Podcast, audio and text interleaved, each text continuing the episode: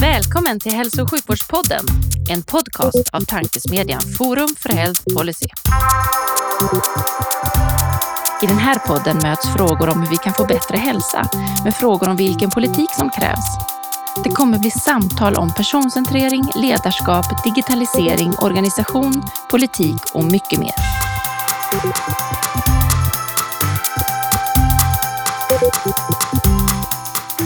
Hej och välkomna till Forum för Health Policys hälso och sjukvårdspodd.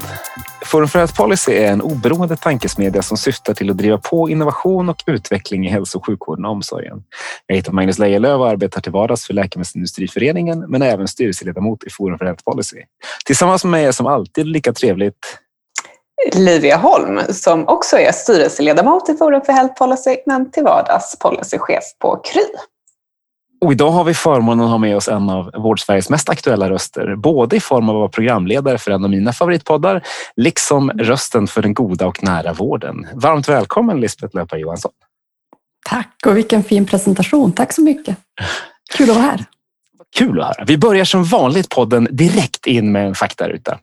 Vilket tycker du är det bästa sjukvårdssystemet i världen och varför? Ja, vilken faktaruta. Eh, eh, jag, jag, kan inte låta bli att tänka på eh, egentligen WHOs definition om vart man vill med vården. Och, och de säger ju så här, dels att det behöver koppla till Agenda 2030, hur vi bygger hållbara samhällen. De säger att ett hälso och sjukvårdssystem bör vara tillgängligt för alla. Alltså, och eh, så pratar man om någonting som jag tycker eh, att jag får energi av och det är att man beskriver det som att vi måste ha hälso och sjukvårdssystem som går från fokuset på eh, sjukdomar och institutioner till att ha fokus på eh, att vara designad för eh, människor. Och det hämtar jag lite energi över, eller från. Och sen kan man ju tänka då, var finns då det sjukvårdssystemet? Och då tycker jag ändå att vi måste säga att vi, vi har ju ett väldigt bra hälso och sjukvårdssystem i Sverige, solidariskt finansierat, det är till, till för alla och det ska vi vara väldigt stolta över. Sen har vi ju väldigt mycket att jobba med också. Och då finns det ju de här eh, exemplen som man kan hämta energi från när man just jobbar med nära vårdomställningen. Och Alaska är ju ett sådant system, tycker jag, som vi har mycket att lära ifrån i deras arbetssätt.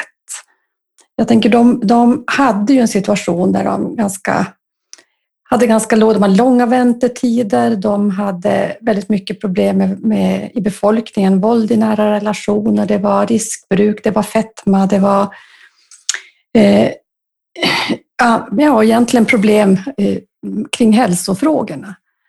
Och de kunde ju se att man hade vård för själen på ett ställe och för kroppen på ett annat ställe. Och eh, sen har de ändå lyckats vrida sitt system och, och vara i, i topp nationellt i Nordamerika. Och då tycker jag att det som inspirerar mig när jag tänker på dem, det är ju hur de gjorde den här omställningen. Att de inledde med det här riktigt intensiva och la ganska mycket tid också på att lyssna på invånarna. Och då framför allt urinvånarna. Vad var det som gav dem hälsa? Och sen har de ju byggt ett system som har väldigt starkt fokus på relationer, som har fokuset på att vården behöver finnas i invånarnas liv och inte tvärtom. Och de har ju gått så långt som kallar ju sina, det vi kallar patienter för kundägare, eller att de tänker att de ändå kommer som kunder, men de är också ägare av sitt system. Och de eh, jobbar ju också, tycker jag, spännande med säg, inte professionella integrerade team där ingen egentligen är ledare, de har ingen stark hierarki och så. Så det, det kan inspirera mig att bygga vidare på ändå den grundsystem som vi har i Sverige som är jättebra. Sen finns det, tycker jag också, om jag ska bli ännu längre, tycker jag också får du, får du absolut bli. att eh, det här systemet Exot i, i Finland är ju också ett spännande, eh, en spännande inspirationskälla. Och det jag tycker de har gjort, de har på ändå ganska relativt kort tid får man säga bestämt sig för att om vi tänker att hälso och sjukvårdens roll är att människor ska kunna få vara kvar hemma så mycket som möjligt, hur behöver vi då jobba? Och de jobbar ju eh, väldigt integrerat med socialtjänst men också med civilsamhället in i hälso och sjukvården och, och har ju fått fina resultat, så de är också de är lite närmare och lite mer lik oss. Absolut. Tack för två bra svar som, som dessutom har varit uppe förut. Det är mm. roligt att höra att ni tittar på egentligen lite olika saker beroende på vad man jobbar med. Ni som okay. har lite mer god och nära vård och kommunkopplingen, då är, kommer Alaska och även Finland eh, upp till och från. Ja. Så det är intressant på många sätt. Ja, det är intressant. Vi fortsätter vidare med något som du redan har varit inne och touchat på, men vi tänker vi kan, vi kan toucha vidare lite och gräva lite djupare. Vilka är de tre bästa parametrarna att mäta och utvärdera i vården och varför?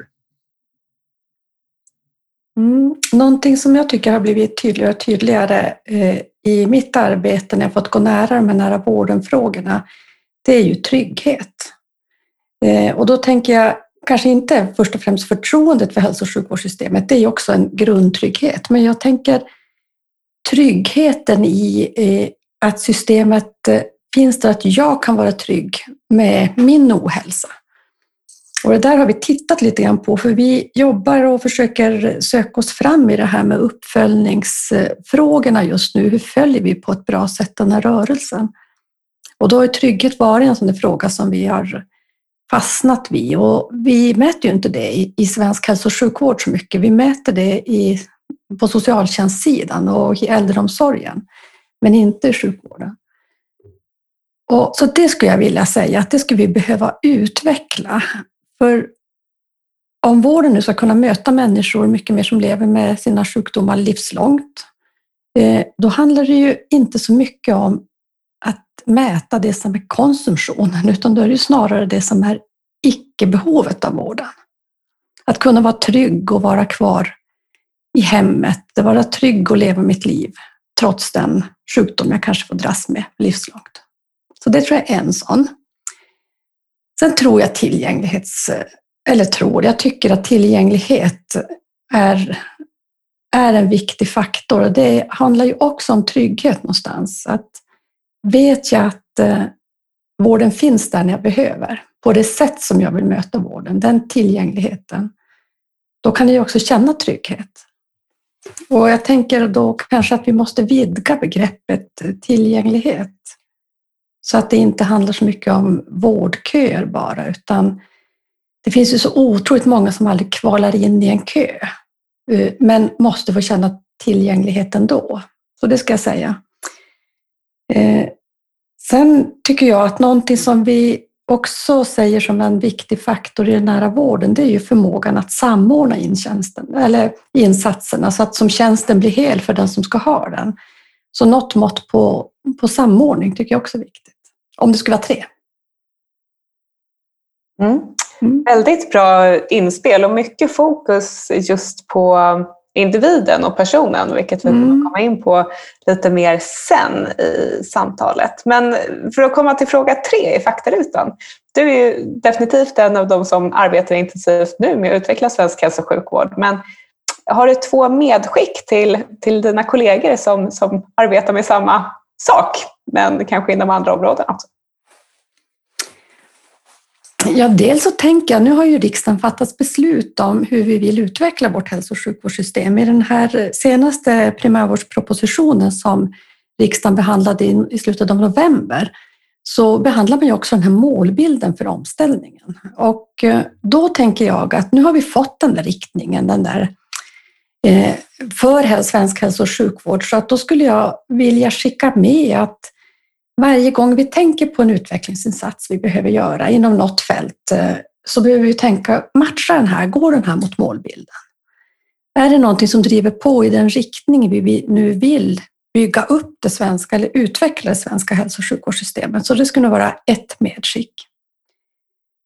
Sen tänker jag också att jag tror att utvecklingen handlar så otroligt mycket om kultur och synsättet på, på människan och det du var inne på Olivia, att eh, mycket handlar om individen eller personen. Och då skulle jag nog vilja att vi utmanar oss själva lite mer, vi som jobbar i svensk hälso och sjukvård och med den utvecklingen och verkligen fundera på vems perspektiv vi har i varje, eh, varje insats vi försöker göra eller projekt vi driver. Eller, och att vi är väldigt mycket Eh, tycker jag, lite produktionslogiska. Vi skulle behöva gå mot mycket mer ett tjänstelogiskt perspektiv, att förstå att det är ju tjänster vi jobbar med. Och vad behöver, eh, hur behöver vi då tänka och vad behöver vi då förstå och veta?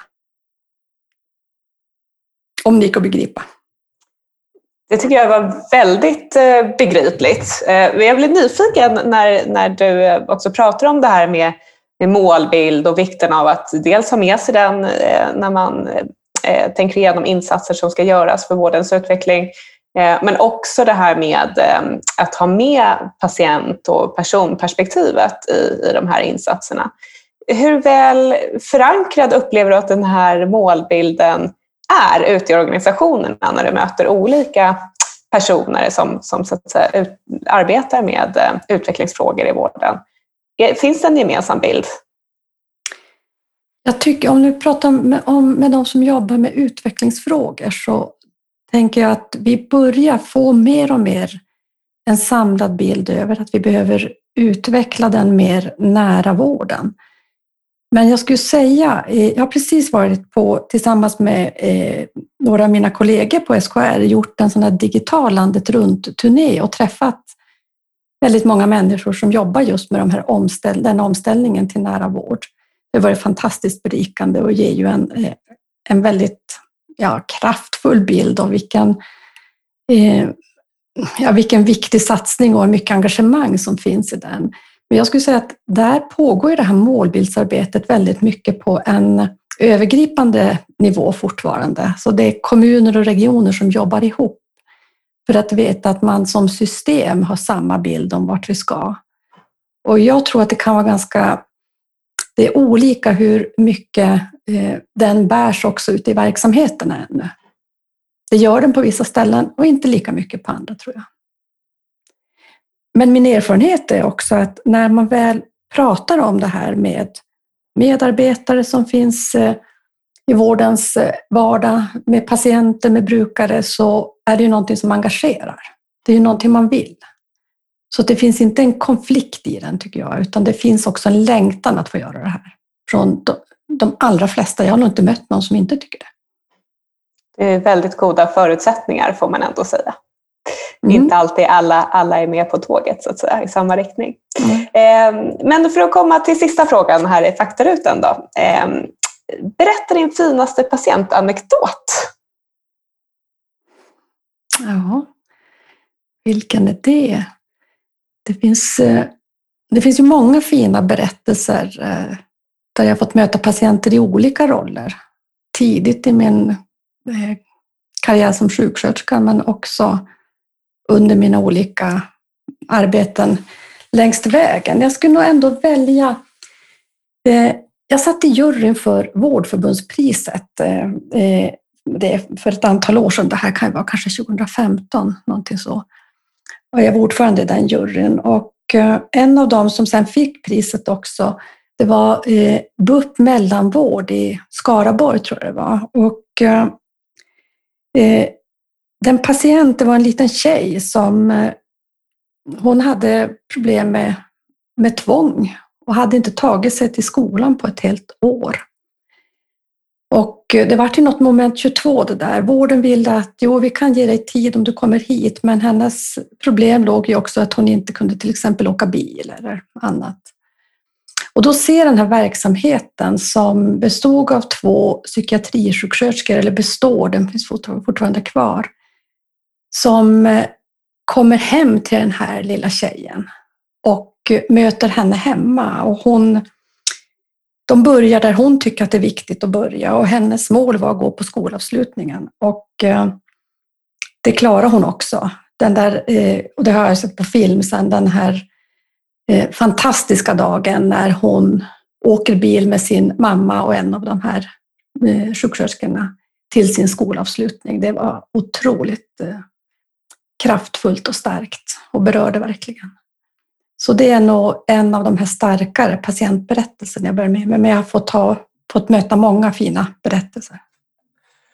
En fin berättelse och lyfter också vikten av, att, att, av de här priserna. Att man lyfter patient, patienthistorier. Mm. Vi har från Forum för Health Policy också ett, ett patientpris som vi delar ut. Och det är när, när man frågar någon i vår styrelse vilken är den finaste patientanekdoten så kommer nästan alltid senaste vinnaren upp. För det, är liksom en, mm. det, det, det, ligger så nära, det är så väl beskrivet precis som du gjorde här. Ja, precis. Kan, man kan se den där skolavslutningen framför sig. Jag tycker det är intressant det du säger, för jag tänker också berättandet, berättandet som kraft att driva förändring. Eh, min dotter jobbar mycket med kommunikation. Hon eh, lärde mig någon gång, eh, det finns någon studie som visar att ja, fakta leder till slutsats, men känsla leder också till handling. Och jag tror det här att kunna kombinera faktan också med känsla, och där är ju berättelserna otroligt viktiga. Att ta med det som en, ett sätt att leda, tror jag. Jag tycker att det var en väldigt... Känsla leder till handling, det gillar man ju som, mm. som... Livia, du, du började säga något. Jag ja, nej, men jag tycker att det var en, eh, en väldigt fin patientanekdot eh, kopplat till det som du var inne på tidigare, just det här med vad det är viktigt för individen som utgångspunkt för hur vi utvärderar hälso och sjukvården. Mm. Man skulle ju sällan sätta möjlighet att gå på skolavslutning som ett viktigt kvalitetsmått. Exakt. Men för den här individen så var det det som var målet och det som var viktigt eh, och som blev relevant att utvärdera. Så jag tycker det var ehm, ett fint exempel på det som du ehm, har pratat om tidigare. Mm. Mm. Men vi kanske ska vidare lite mer till, till dig och vem du är för de som inte känner till det. Mm. Eh, berätta lite, eh, vad är din roll idag? Ja, men jag har det förmånliga uppdraget att Eh, vara samordnare för eh, nära vård, som då är ett program på SKR.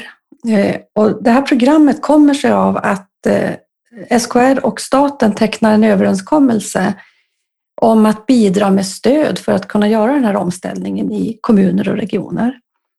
Och då har vi byggt upp ett program på SKR eh, där vi försöker hjälpa till och stödja våra medlemmar som då är kommuner och regioner i att göra den här omställningen. För den stora delen av, av de här eh, medlen riktar sig till kommuner och regioner. Då. Och eh, i den rollen, så förutom att stödja som innefattar så många olika spännande eh, delar, så finns ju också eh, rollen att ha kontakterna sen med staten, med myndigheter och med eh, departement som jobbar med omställningen. Och till min, jag gör inte alls det här själv, utan vi är ju ett, en spännande, mycket kompetent, många kompetenta kollegor som jag får jobba med. Eh, så vi är ju en programgrupp och också en programledning som tillsammans gör aktiviteter och väldigt mycket möter kommuner och regioner och de som jobbar med den här saken i deras vardag. Nu har det blivit digitalt ett år, men eh, det har inte blivit mindre. Det har faktiskt blivit otroligt mycket möten trots en pågående pandemi, vilket gör mig väldigt glad. Eh, så min dag består av väldigt mycket mötande med kommuner och regioner, men också strategiskt arbete på olika sätt kring de här frågorna. Det är ledarskap, det är uppföljning, det är stöd till verksamhetsutveckling och det är att eh, hjälpa till och fundera på kommunikation och berättelser och så för att se att det här går framåt. Kul! Och ni, ni som lyssnar, ni ser ju inte det, men man ser verkligen hur, hur kul du tycker ditt jobb är. Ja, eh, du, du, du, lyser när du pratar om det. det ja. Sådana jobb vill man ju att, att folk ska få ha där ute. Och om man vill ha ditt jobb, vad ska man göra då? Eh, är ju en svår fråga att ställa. Men vad, vad har du mm. gjort tidigare? Vad, hur ser din karriär ut inom hälso och sjukvården? Eh, jag har min grund så är jag sjuksköterska och har sen haft förmånen att finnas på många olika platser i det här systemet. I det nära mötet med patienten, i, som chef, jag har varit primärvårdschef och kvalitets och utvecklingschef i primärvård. Jag har haft en ganska stor del av eh, min yrkesresa eh, i Vårdförbundet. Jag har varit vice förbundsordförande under en tid. Sen var jag borta därifrån och sen blev jag rekryterad som vårdstrategisk chef eh, eh till Vårdförbundet. Och eh, det har gjort att jag fått eh, ha ganska mycket av de nationella kontakterna, funnits med på den nationella arenan och skapat mig, tycker jag, fått kunskap och eh, mycket nätverk där. Jag har också fått förmånen att jobba en del internationellt. Jag har varit ordförande för de nordiska sjuksköterskorna, suttit i både det europeiska och världssamfundet för sjuksköterskor. Eh, ja, vad gör man mer? Man eh, är intresserad och driven av de här frågorna och jag kommer närmast från en tjänst som utvecklingsdirektör i Region Norrbotten. Så den, om man lyssnar på det, så förutom att det låter som du har väldigt många roliga roller så måste en digital Sverigeresa vara en, en annorlunda vardag för dig med tanke på att jag gissar att du har rest ganska mycket tidigare också. Ja, men det har jag verkligen. Jag, har ju, jag bor uppe i Norrbotten och i Luleå och har faktiskt aldrig längtat till att flytta till eh, Stockholm. Min man har ibland sagt att ska vi inte flytta för att jag har gjort ganska stor del av min, eh, min yrkesresa så här långt kopplat mot Stockholm och också mot väldigt mycket resande. Men jag har tyckt om det här att, eh, att gå mellan också de olika verkligheterna. Jag tycker nog att det berikar mig också att se eh, Svensk hälso och sjukvårdsdebatt kan ju lätt eh, blandas ihop med en Stockholmsdebatt tycker jag och också ha det här nära perspektivet till en ganska annorlunda vardag och struktur. Och sen har jag ju rest då. Då har det inneburit att jag har rest väldigt mycket. Och jag tycker att jag har lärt mig fantastiskt mycket också under den här pandemin på att vi kan kanske faktiskt nå bredare och ge mer jämlikt stöd genom att inte alltid behöva resa på alla ställen. Och vi har ju haft, som jag sa, jättemycket aktivitet eh, på de saker som vi har kunnat anordna nu när det har blivit digitalt. Så att, ja, jag tycker att det har varit eh, väldigt lärorikt. Sen längtar man ju såklart som alla andra efter att träffas. Men mycket, mycket flyg har det blivit, tyvärr. Ja, man längtar efter att träffas, men man kan, längtar kanske inte efter att resa varje dag. Så det, det finns ju, finns ju mycket att ta där. Jag hoppas, mm. precis som du, att vi kommer att hitta en, en bra vardag mm. där, vi, där, där de här mötena som ju är så givande kan bli givande även i framtiden. Mm, okay. eh, om man tänker på den tidigare erfarenheten som vi precis pratade om, den väldigt breda erfarenheten. Vad tar du med dig av den in i arbetet med, med den goda och nära vården? Eh, ja, jag tar med mig att eh, det handlar om att eh, förmå att engagera eh, alla olika delar i systemet samtidigt. Att det här inte är en rörelse som kan bara starta uppifrån och, och på något sätt tryckas neråt. Heller inte någonting som bara kan ske på något sätt i vardagen. För jag tror vi kommer att måste ändra ganska mycket av våra styrsystem, vår, vår ledningsfilosofi och, och eh, också vardagen på andra delar i systemet. Så, så det tar jag med mig. Eh, jag tycker också att jag har med mig någonting som det här idéburna eller intresseorganisationsarbetet har gett mig. Eh, för att, att finnas i de världarna, det är ju lite annorlunda. Dels eh, så behöver man skapa sig idéer om framtiden. Man kan inte bara vara reaktiv och jag tar nog med mig mycket av att ska vi klara den här omställningen så måste vi också göra de här bilderna för oss själva och för varandra om vart vi ska och ha idéer och inte fastna i hindren. Eh, det präglar ganska mycket en idéburen verksamhet och jag ser ju också vad civilsamhället eh, kan spela kan ha en stor roll att spela när vi ska göra större förändringar i samhället som det här är. Och det tror jag vi måste kroka arm med mycket, mycket mer och då är det ju både de fackliga rörelserna, folkrörelserna, idrottsrörelserna och inte minst patient och brukarrörelserna hög eh, grad av samverkan från många, många olika nivåer i samhället helt enkelt. Hur, eh, hur upplever du eh, att samverkan mellan regioner och kommunerna fungerar hittills så att säga, i det här arbetet? Det är någonting som man ofta får höra kan vara lite bristfälligt och kanske en anledning till att vi nu ser den här förflyttningen, eller behovet av förflyttningen. Mm. Vad är din erfarenhet eller upplevelse hittills? Mm. Jag tycker att du har rätt i att, att en del av svaret på varför vi måste göra den här omställningen är ju just att eh, vi vet att människor far illa i de här mellanrummen och vi blir allt fler som behöver de här mellanrums eller verksamheterna från, eh, från båda, eller tjänster från båda verksamheterna och då hamnar vi i mellanrum. Vi vet också att de här mellanrummen slukar eh, resurser. Eh, så. Och en viktig sak både för mig och mina kollegor under förra året, det var att också fokusera mer på kommunernas roll i den här omställningen. Och jag tycker att det är roligt i de överenskommelser vi nu tecknar med staten så blir också kommunerna mycket mer synliga. Det var de inte från början utan det var det väldigt mycket regionerna och kanske primärvården i regionerna. Nu pratar man ju mer om en omställning av ett sjukvårdssystem och i det sjukvårdssystemet finns ju också kommunerna. Jag ser med glädje att eh, det finns ett jättestarkt fokus idag runt om i Sverige på att hitta en stärkt samverkan på, om man ska kalla det länsnivå, då. Den regionerna som huvudmän och de kommuner som finns inom den geografiska regionen. Att hitta samverkan där och man jobbar på väldigt många ställen med den gemensamma målbilden. Flera stycken är också framme och har gjort det här gemensamt. Man funderar på ja, just vilka invånare är det som behöver tjänster av oss båda och hur ska vi kunna göra det på ett bra sätt? Sen har varje huvudman sitt jobb att göra också i den nära vården, men, men jag tycker att det här året har eh, inneburit väldigt mycket av eh, fokus på samverkan och det har också pandemin hjälpt till med. För det har också blivit samverkan som är samverkan på riktigt, om man säger så, eh, har man behövt göra på grund av pandemin. Det är faktiskt roligt att det, det begreppet samverkan på riktigt har kommit.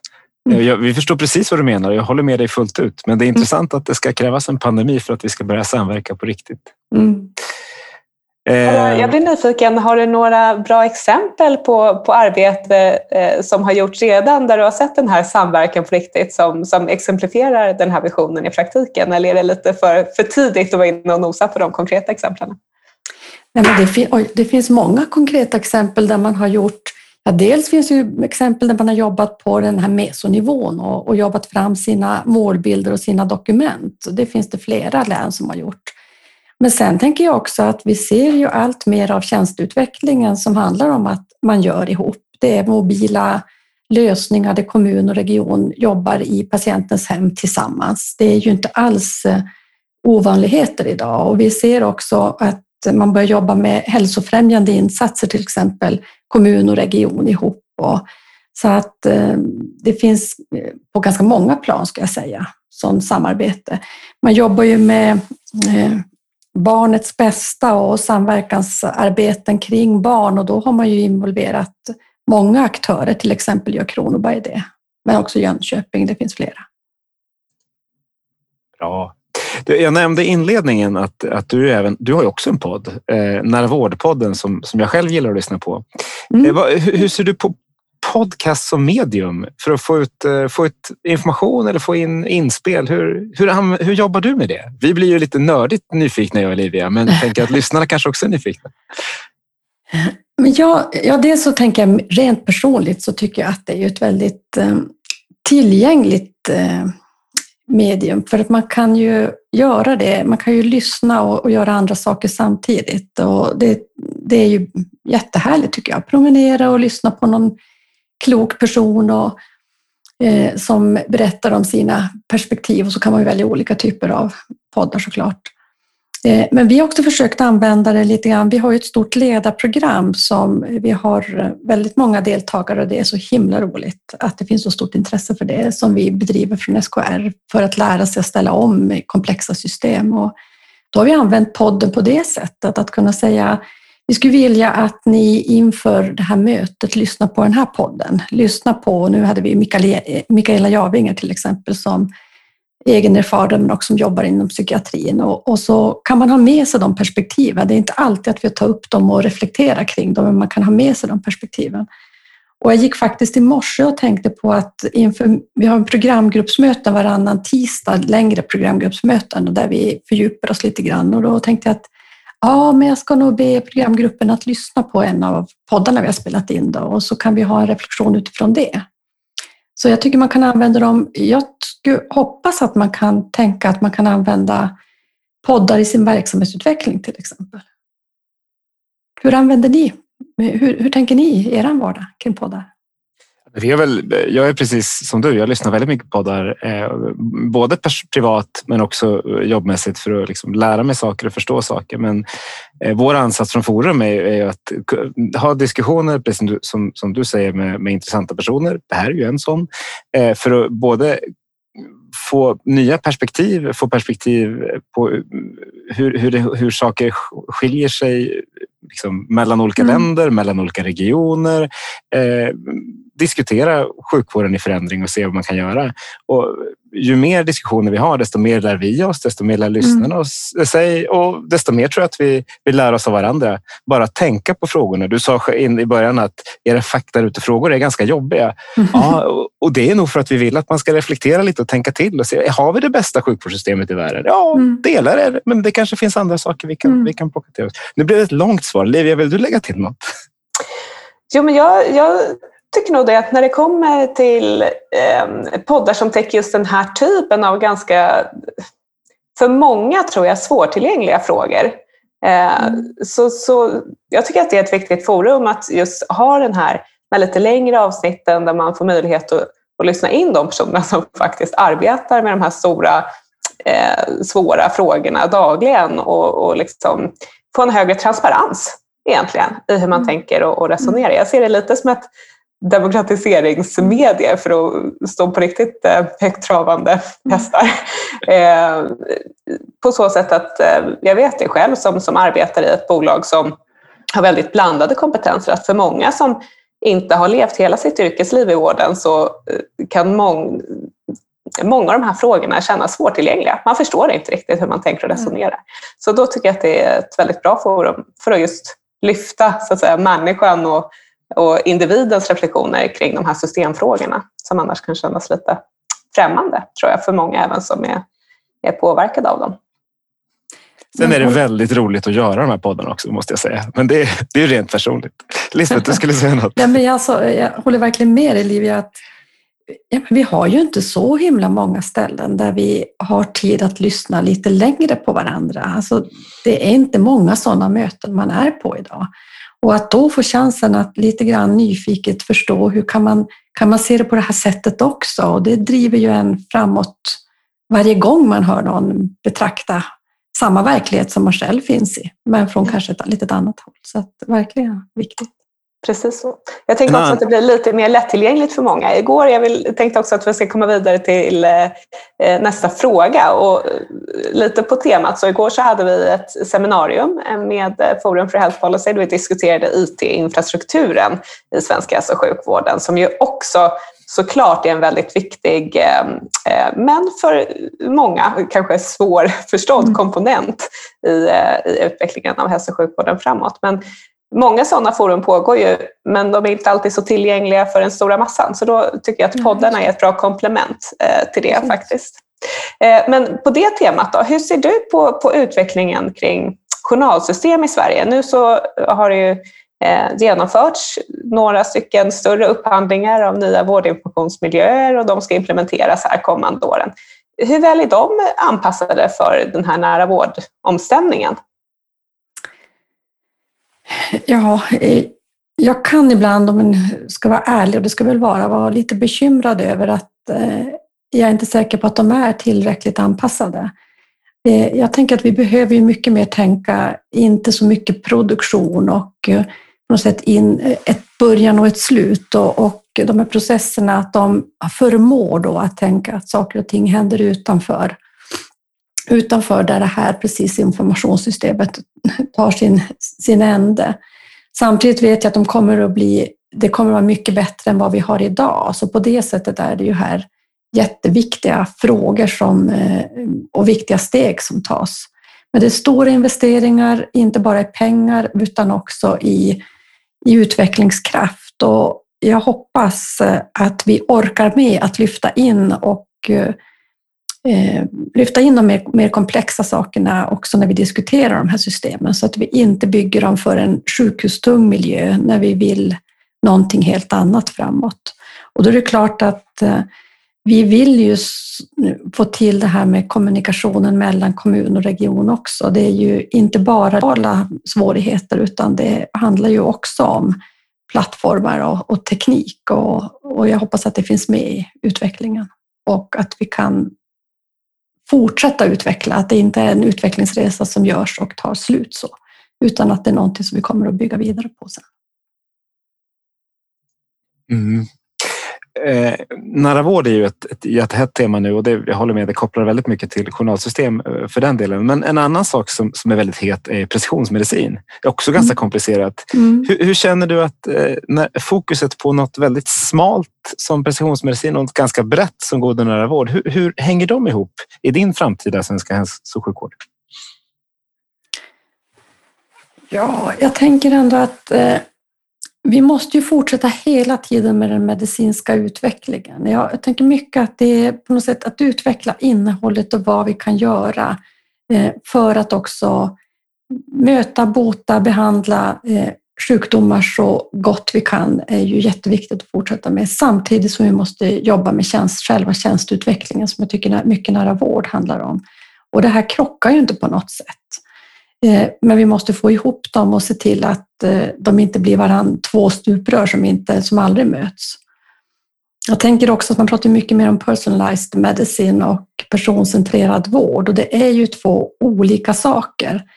Men även där tror jag att man kan hitta föreningar i att eh, det är ju inget som hindrar att när jag får någonting som är mer anpassat just för, för mig och min kropp och som min kropp kommer att svara bra på, inte ska, att inte tjänsten sen ska vara personcentrerad. Så jag tycker inte att det finns några motpoler i det här. Sen ska vi orka med utvecklingsarbeten och göra dem i gemensam takt och inte, det ena får inte hindra det andra. Mm. Tillbaka lite grann till det här med eh, IT och infrastruktur och eh, förutsättningar för att få till de här nya arbetssätten. Ett annat tema som ju eh, har diskuterats mycket men som också har hamnat i fokus nu inte minst under pandemin, det är ju digitalisering. Mm. Eh, vad betyder digitalisering för dig och hur ser du på digitaliseringens roll i eh, det här utvecklingsarbetet mot nära vård?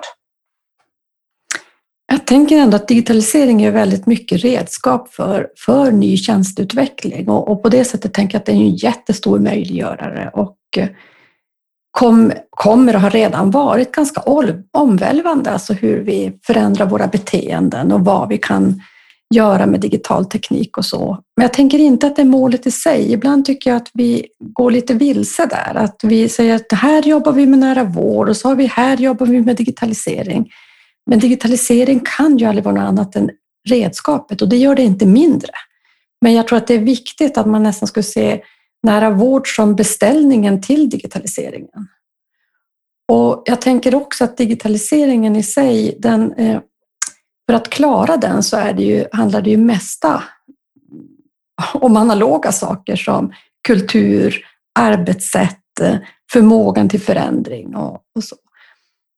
Eh, sen tror jag att, att digitaliseringen är ju ingenting som sker inne i sjukvården och ut bara, utan det här är ju en samhällsförändring som pågår som oavsett vad vi tycker och vill kommer att förändra sjukvården och det förändrar våra beteenden, våra förväntningar och det tror jag faktiskt att pandemin också har, eh, har hjälpt oss med, vi som tror på att det här är viktiga redskap.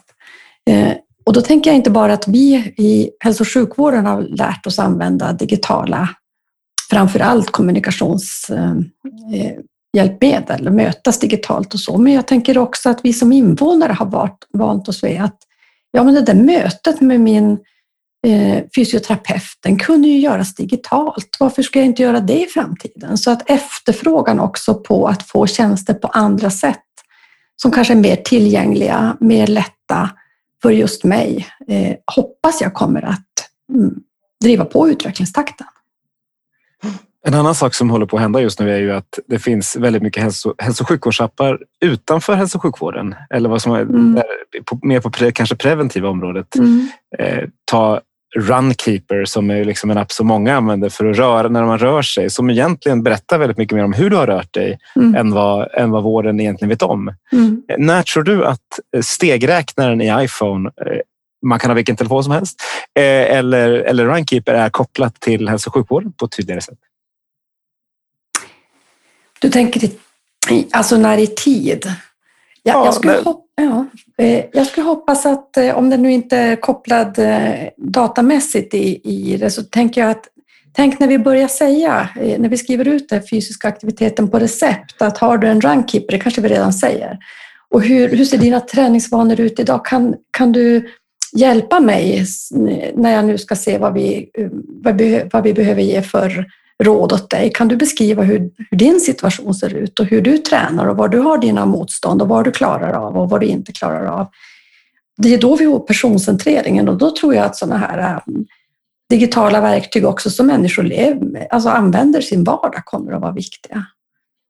Eh. Jag skulle nog gärna ha, få, få ett liksom meddelande från vår Du verkar röra lite mindre nu. Är det något som inte är bra? Precis. Alltså man, kan, man skulle kunna ta det ännu längre eh, om man vill och kan och får.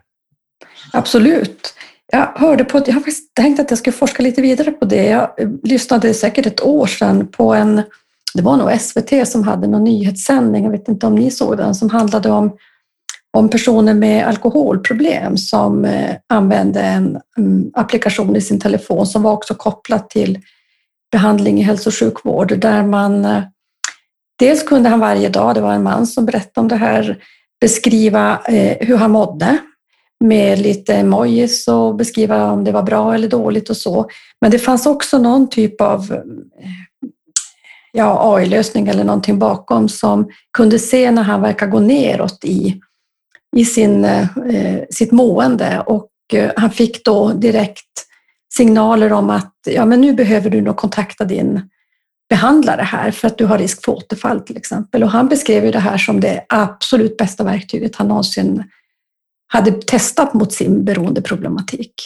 Så att eh, jag tänker just den där kommunikationen som också gör att jag och vården har en kommunikation med varandra utan att jag finns på plats och kommer på ett besök och jag får hjälp att leva ett mer hälsosamt liv.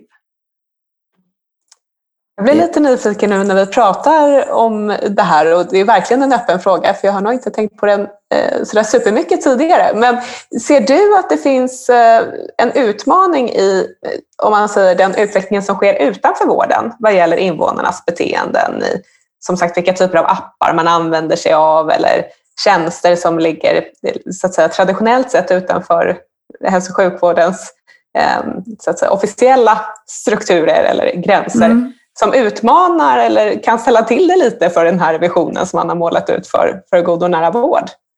Ja, det vet jag inte om jag ser. Jag tänker att den kanske kan, kan driva på den snarare. Jag vet inte om den utmanar. Alltså utmanar ska den göra på ett bra sätt. Vi behöver bli utmanade i våra föreställningar om att vi har alla svaren. Eh, att människor på något sätt Eh, Eh, vi har nästan en tro på att det är i hälso och sjukvården de lever sina liv eller det är där de får alla råden och det är det som ger effekter. När, när de lever sina, hälsa skapas någon annanstans än i hälso och sjukvården. Och, eh, däremot så tycker jag att, att vården framåt, hälso och sjukvården framåt har en viktig roll i att eh, stå för evidensbaserad kunskap, att vara en källa som de här apparna ändå kopplar upp mot. Att det finns på tal om förtroende och trygghet, att, att ha ett förtroende för vårt hälso och sjukvårdssystem så man tänker det är hit jag vill vända mig, det, det är här jag vill hämta mina råd och så. Det behöver vi ju vara på tårna och kunna koppla ihop och koppla på på något sätt. Sant. Eh, om vi funderar framåt då. Om, man, om du som patient eh, kommer till svensk, eller varför inte bli sjuk i Spanien 2040, hur tror du att det ter sig då? Om jag blir sjuk? Jag tänker, om du blir sjuk idag någonstans. eller tänker du hur miljön är? Eller? Nej, men jag tänker, förlåt, jag kan vidare. Om jag, om, jag, om jag idag blir sjuk i Spanien så, så får jag använda försäkringsintyg och jag får liksom kämpa mig för att, för, för att ta mig frisk. Eller för att liksom, systemen är inte riktigt ihopkopplade ännu. Mm. Eh, jag tänker med, med den utrullning vi har av god och nära vård, med det, liksom, det, de digitala gränser som, som inte är några gränser. Eh, hur tror du att svensk, svensk hälso och sjukvård ser ut och hur tror du den är sammankopplad med omvärlden om tio år? Åh, oh, det var en svår fråga tycker jag. jag vi, vi jobbar så. jag, förstår. jag förstår det. Eh, jag tänker ändå att svensk hälso och sjukvård jag, jag, tänker nog mer i, inte bara vad som händer när jag blir sjuk. Jag, jag tror att de intressantaste förändringarna kommer att, att vara i hur relationen ser ut med, med befolkningen. Och speciellt med de som inte blir sjuk för att sen bli frisk, utan de som får leva med sina sjukdomar länge. Att det är väldigt mycket för, för dem vi, vi vrider på systemen.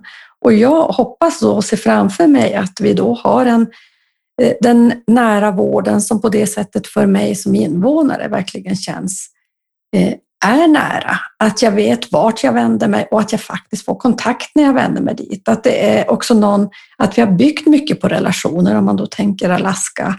Att eh, det finns någon som faktiskt bryr sig om eh, det jag säger och eh, också hjälper mig i systemet om jag kanske behöver insatser från, från andra delar. Det kan vara den kommunala hälso och sjukvården eller någon riktigt högspecialiserad sjukvård, kanske i något annat land.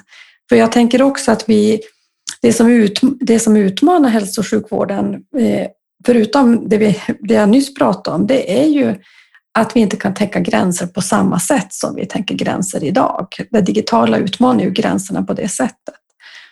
Men jag har inte riktigt, eh, jag måste vara ärlig, jag har inte tänkt eh, så långt hur jag tror att det ser ut sammankopplat i Europa så att jag kan ge något bra svar.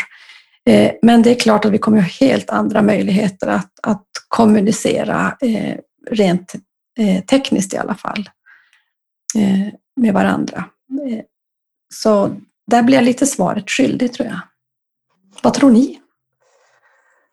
Jag tycker också att det är en jättesvår fråga, men jag, jag ser att det, det händer så pass mycket runt om i världen vad gäller eh, digitala hälso och sjukvårdstjänster, lifestyle-appar och stöd för psykisk hälsa och mående och så vidare. Att, att den utvecklingen går i sån rasande fart vad gäller invånarnas eh, användning av de här tjänsterna.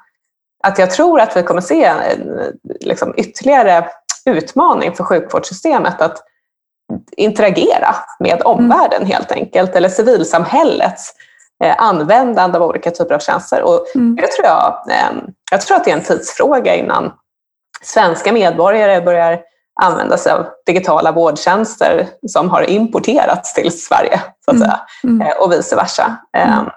Att jag kanske hör om någon jättebra tjänst i England eh, som kan hjälpa mig med eh, en viss typ av terapi till mm. exempel för mitt mm. psykiska mående. Och hur hanterar vi det framöver?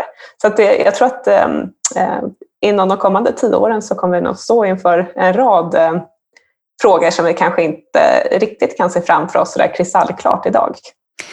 Nej, och det var det jag började med också, att jag tänker att den här omställningen till den nära vården, den, den berör ju inte bara innovationer eller enbart innovationer i, i vårdens vardag, i mötet mellan patient och, och eh, profession, vilket är det viktigaste, det där värdet skapas. Men det utmanar ju också hela våra finansieringssystem, sättet att ersätta, sättet att leda. Och då tänker jag inte bara på den här digitala gränslösheten, utan jag tänker mycket på samverkansfrågor. Jag tänker på att, att jobba i, i, samma, i samma hem, eh, men man kommer från olika arbetsgivare och olika arbetsplatser. Och vad ställer det för krav på ledarskap? Vad ställer det för krav på arbetsmiljölagstiftning och samverkansfrågor? Och det finns så mycket som det här eh, mer nätverksbaserade sättet att arbeta som jag ändå ser att vi är på väg mot. Ehm, eh, det ställer väldigt mycket nya krav på ganska gamla strukturer som vi har och som vi har jobbat in ganska hårt i våra, våra verksamheter. Så det är ju otroligt viktigt att den här omställningen inte bara eh, engagerar nördar som oss, eller på att säga, vi som finns här och pratar idag, utan också de som jobbar med andra delar i hälso och sjukvården, alltså ekonomer och eh, eh, controllers och de som jobbar med ja, men uppföljning och, och de delarna och att det också forskas på eh, ledarskapsfrågorna, organisationsfrågor och strukturfrågor i, i i välfärdssektorn. Absolut. Eh, vad är det roligaste i ditt jobb idag? Alltså det är ju ändå alla möten. Eh, och eh, jag har ju i princip nästan bara möten med eh, människor som är brinner och är glada och tycker att det här är en förmån att få jobba med. Så det är ju fantastiskt. Eh, jag tänker också att det finns något, något lite djupare i det. Jag, jag, eh, jag tycker att det kanske låter högtravande, precis som du sa Livia, om något annat, men, men jag tänker att få vara med och ändå bidra till en utveckling av samhället och välfärden som är en så viktig del av vårt samhälle. Det, det tycker jag är fantastiskt att få göra. Så att det är jag väldigt glad för. Att göra någonting som är så angeläget. Och eh, att få jobba med det, det jag verkligen brinner för.